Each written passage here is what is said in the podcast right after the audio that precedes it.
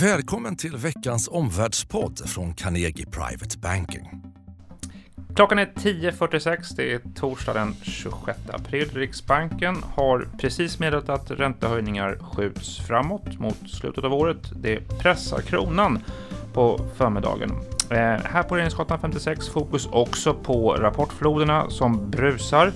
Vi ska titta på trenderna i svenska bolagsrapporter, dessutom en makroutblick mot Europa. Har vi passerat eh, piken i eurozonen? Och till sist, både Macron och Merkel gästar Vita huset i veckan. Vad ska marknaden spana efter? Första frågan då, eh, Helena. Intensiv rapportflod. Eh, eh, många stora, tunga svenska bolag har visat korten. Hur har resultaten sett ut? De har faktiskt varit bra. Rapportsäsongen ser solid ut. Det är både försäljning men också lönsamhet i svenska bolag som har slagit förväntningarna. Det blir att många bolag har fått se höjda vinstestimat från analytikerna. Om man sätter siffror på det här så var stigande försäljning innebär nästan 4% högre vinster än vad våra analytiker hade förväntat sig. Och då i den siffran ligger ändå tapp i både Ericsson och H&M. Men ändå många bolag har fått se upprevideringar. Mm, samtidigt lite ja, blandade reaktioner. Hur, hur, tycker du att aktiekurserna har reagerat på rapporterna? Ja, det är det som är så intressant. Det är starka resultat men svaga reaktioner. Mm. Eh, aktiekurserna har ju inte reagerat positivt trots vinstöverraskningar då åt plushållet. Sen är det klart det finns undantag. Vi har sett både Telia och Tele2 där bra resultat gav markanta kursuppgångar men också många exempel på motsatsen. Mm. Vilka intressanta trender ser du i de två stora sektorerna, bank och verkstad? Ja, just nu utvecklas ju båda svagt på börsen och verkstad mer än bank faktiskt. Men om vi börjar med bankerna då, så Nordea hade en svag rapport med negativa kommentarer. Både Handelsbanken och Resursbank också svaga resultat. Men det intressanta kanske, Swedbank stack ut. De hade bra lånetillväxt, om man nu kan uttrycka sig bra kreditförluster. Mm. Eh, januari, februari var riktigt starka månader. Men i mars var aktiviteten klart lägre. Och det tog marknaden fasta på, den här försämrade trenden på slutet. Och därför då inte så positiv kursreaktion. Mm, titta på verkstad. Ja, Atlas, svag rapport. Föll ordentligt. Men Volvo som hade positiva utsikter föll också och sen kom Sandvik med en superrapport och stängde också ner. Så det var mm. mönstret. Ja. Du, någon sektor som du tycker sticker ut eh, positivt både vad gäller resultat och också eh, kursrörelse? Jag skulle vilja säga fastighetsbolagen, men då ska man betona att det är mycket svag utveckling i bostadsutvecklarna, de bolagen. Medan då bolag som är riktade mot kommersiella fastigheter, de visar bra vinster har fått se kurslyft. Och det beror ju på att det är riktigt bra hyresnivåer, låga vakanser, de lägsta på 17 år och det lyfter de kommersiella fastighetsbolagen. Mm. Det här leder fram till din slutsats så långt i rapportfloden? Ja, det är intressant att starka resultat och upprevideringar verkar inte räcka för att Nej. lyfta kurserna i dagens osäkra miljö. Ska vi se på sektorer så är det tufft för cykliskt som verkstad och det är betydligt lättare för telekomoperatörer. Just det. Från Stockholmsbörsen då till eh, europeiska konjunktursignaler som har varit bitvis lite svagare den sista tiden. Hur, hur är formen i eurozonen? Ja, den är hygglig, men industribarometrarna de ligger fortfarande i expansionszon. De har haft en tydligt nedåtriktad trend i år. Eh, framförallt med en dämpning då i februari och mars. Återigen lägre barometrar i april men lite avtagande takt. Men allt det här pekar då mot en, en, lägre tillväxttakt i industrins produktion. Och hur snabbt den här inbromsningen blir det kan ju då påverka ECBs utfasning av stimulanserna. Mm. De har mm. möte idag men det förväntas inget besked då utan kanske snarare på junimötet. Mm. Några ljuspunkter i utsikten över Europa? Ja, man kan väl ändå lyfta fram att den här starka euron under förra året var tuff och handelsoron har kanske också ökat försiktigheten. Men de här trenderna har i alla fall inte eskalerat eller förvärrats just nu. Nu ser vi snarare en svagare euro mot dollarn. Eh, kanske lite kul också att Sverige barometer som kom i morse, den var faktiskt bra. Lite dämpad trend i år, men det var en upp i april på indexet.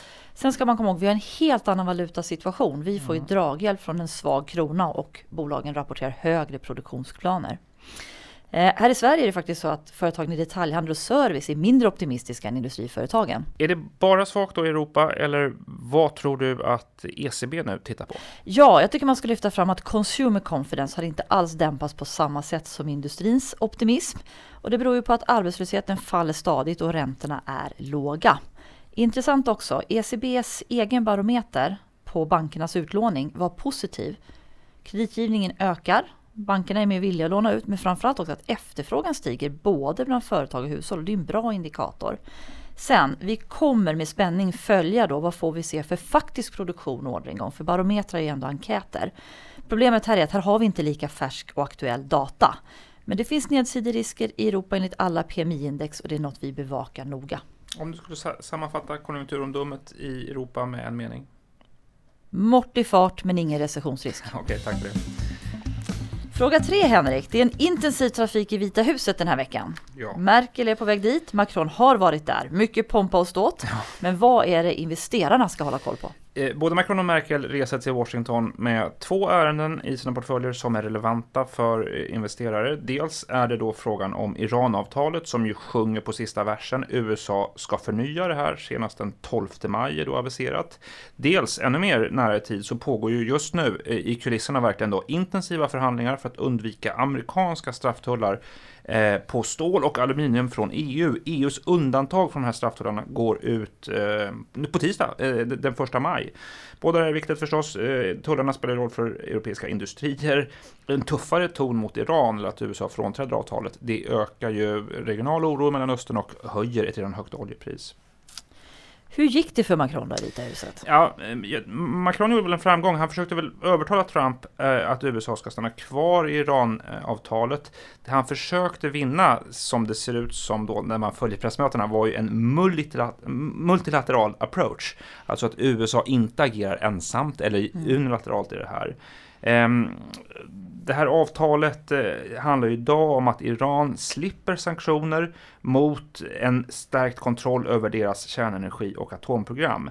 Eh, Macron pekade på att det inte är att lämna detta eller behålla status quo som är ehm, eh, dealen här, utan snarare det handlar om att ehm, bygga någonting nytt, en tredje väg som utvidgar det här avtalet till att inkludera också då ballistiska missilprogram från Iran och också Irans destabiliserande agerande i Mellanöstern som, som, som det uttrycktes. Så det skulle då möjligen få med Trump på det här. Det återstår att se, eh, naturligtvis.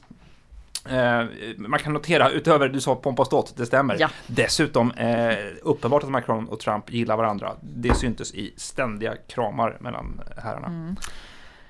Hur tror du mötet med Merkel blir? Annorlunda? Dels symboliskt att eh, Merkel kommer efter Macron. Eh, det kommer säkert bli ett mer kylslaget möte med mindre kramar då. Eh, tuffare innehåll, kanske också då, även om ja, båda frågeställningarna är besvärliga. Men mer handel på agendan. Eh, Trump har ju inga tydliga invändningar, eh, eller uttryckta invändningar mot hand, handeln med, med, med, Frankrike. Däremot har han haft det i handeln med Tyskland och markerat ja. mot den tyska exporten av bilar till, till mm. USA. Då. De här tarifferna som är aktuella, stål och aluminium, riktar sig mot hela EU, inte enskilda länder ska sägas. Eh, återigen, eh, jag tror att både Merkel, precis som Macron, kommer prata för en multilateral approach och också de här frågorna. Respekt för regelstyrd handel, respekt för WTO, och också då förstås eh, mot eh, handelsfriktion och handelskrig. I, notera här att EU har ju kommit överens om en lista med varor värda 2,8 miljarder euro som ska belasta amerikansk handel om USA inför de här stål och aluminiumtullarna. Så det är en del som står på spel här. Hur det går, spännande besked och antydningar kanske från pressmötet på fredag imorgon. Mm. Håll koll också under veckoslutet eller på måndag då, sista april för mm. besked i detta. Och det kanske är din korta sammanfattning. Precis, håll koll nu på besked om amerikanska eh, strafftullar på stål och aluminium. Ja, dagens tre slutsatser i podden det är att starka rapporter i Sverige men svaga reaktioner. Dämpade barometrar i Europa men ingen recessionsoro. Och besked om ståltullar i helgen. Ikväll träffas investerare, entreprenörer och våra vänner på Carnegie efter börsen med bland andra Mellby Gårds Johan Andersson och Johan Stähl von Holstein på scen. Och på måndag då kommer vårt nyhetsbrev Veckans viktigaste från Carnegie Private Banking och då min intervju med vår aktiechef David Karlsson som redovisar mer slutsatser från rapportsäsongen. Han kommer också vara gäst i Omvärldspodden nästa vecka, torsdag den 3 maj. Väl mött då och på återhörande. Tack för att du har lyssnat på Omvärldspodden från Carnegie Private Banking. Vill du veta mer om vad som händer i vår omvärld och få aktuella idéer till affärer? Gå då in på www.carnegie.se veckans viktigaste och prenumerera på vårt nyhetsbrev.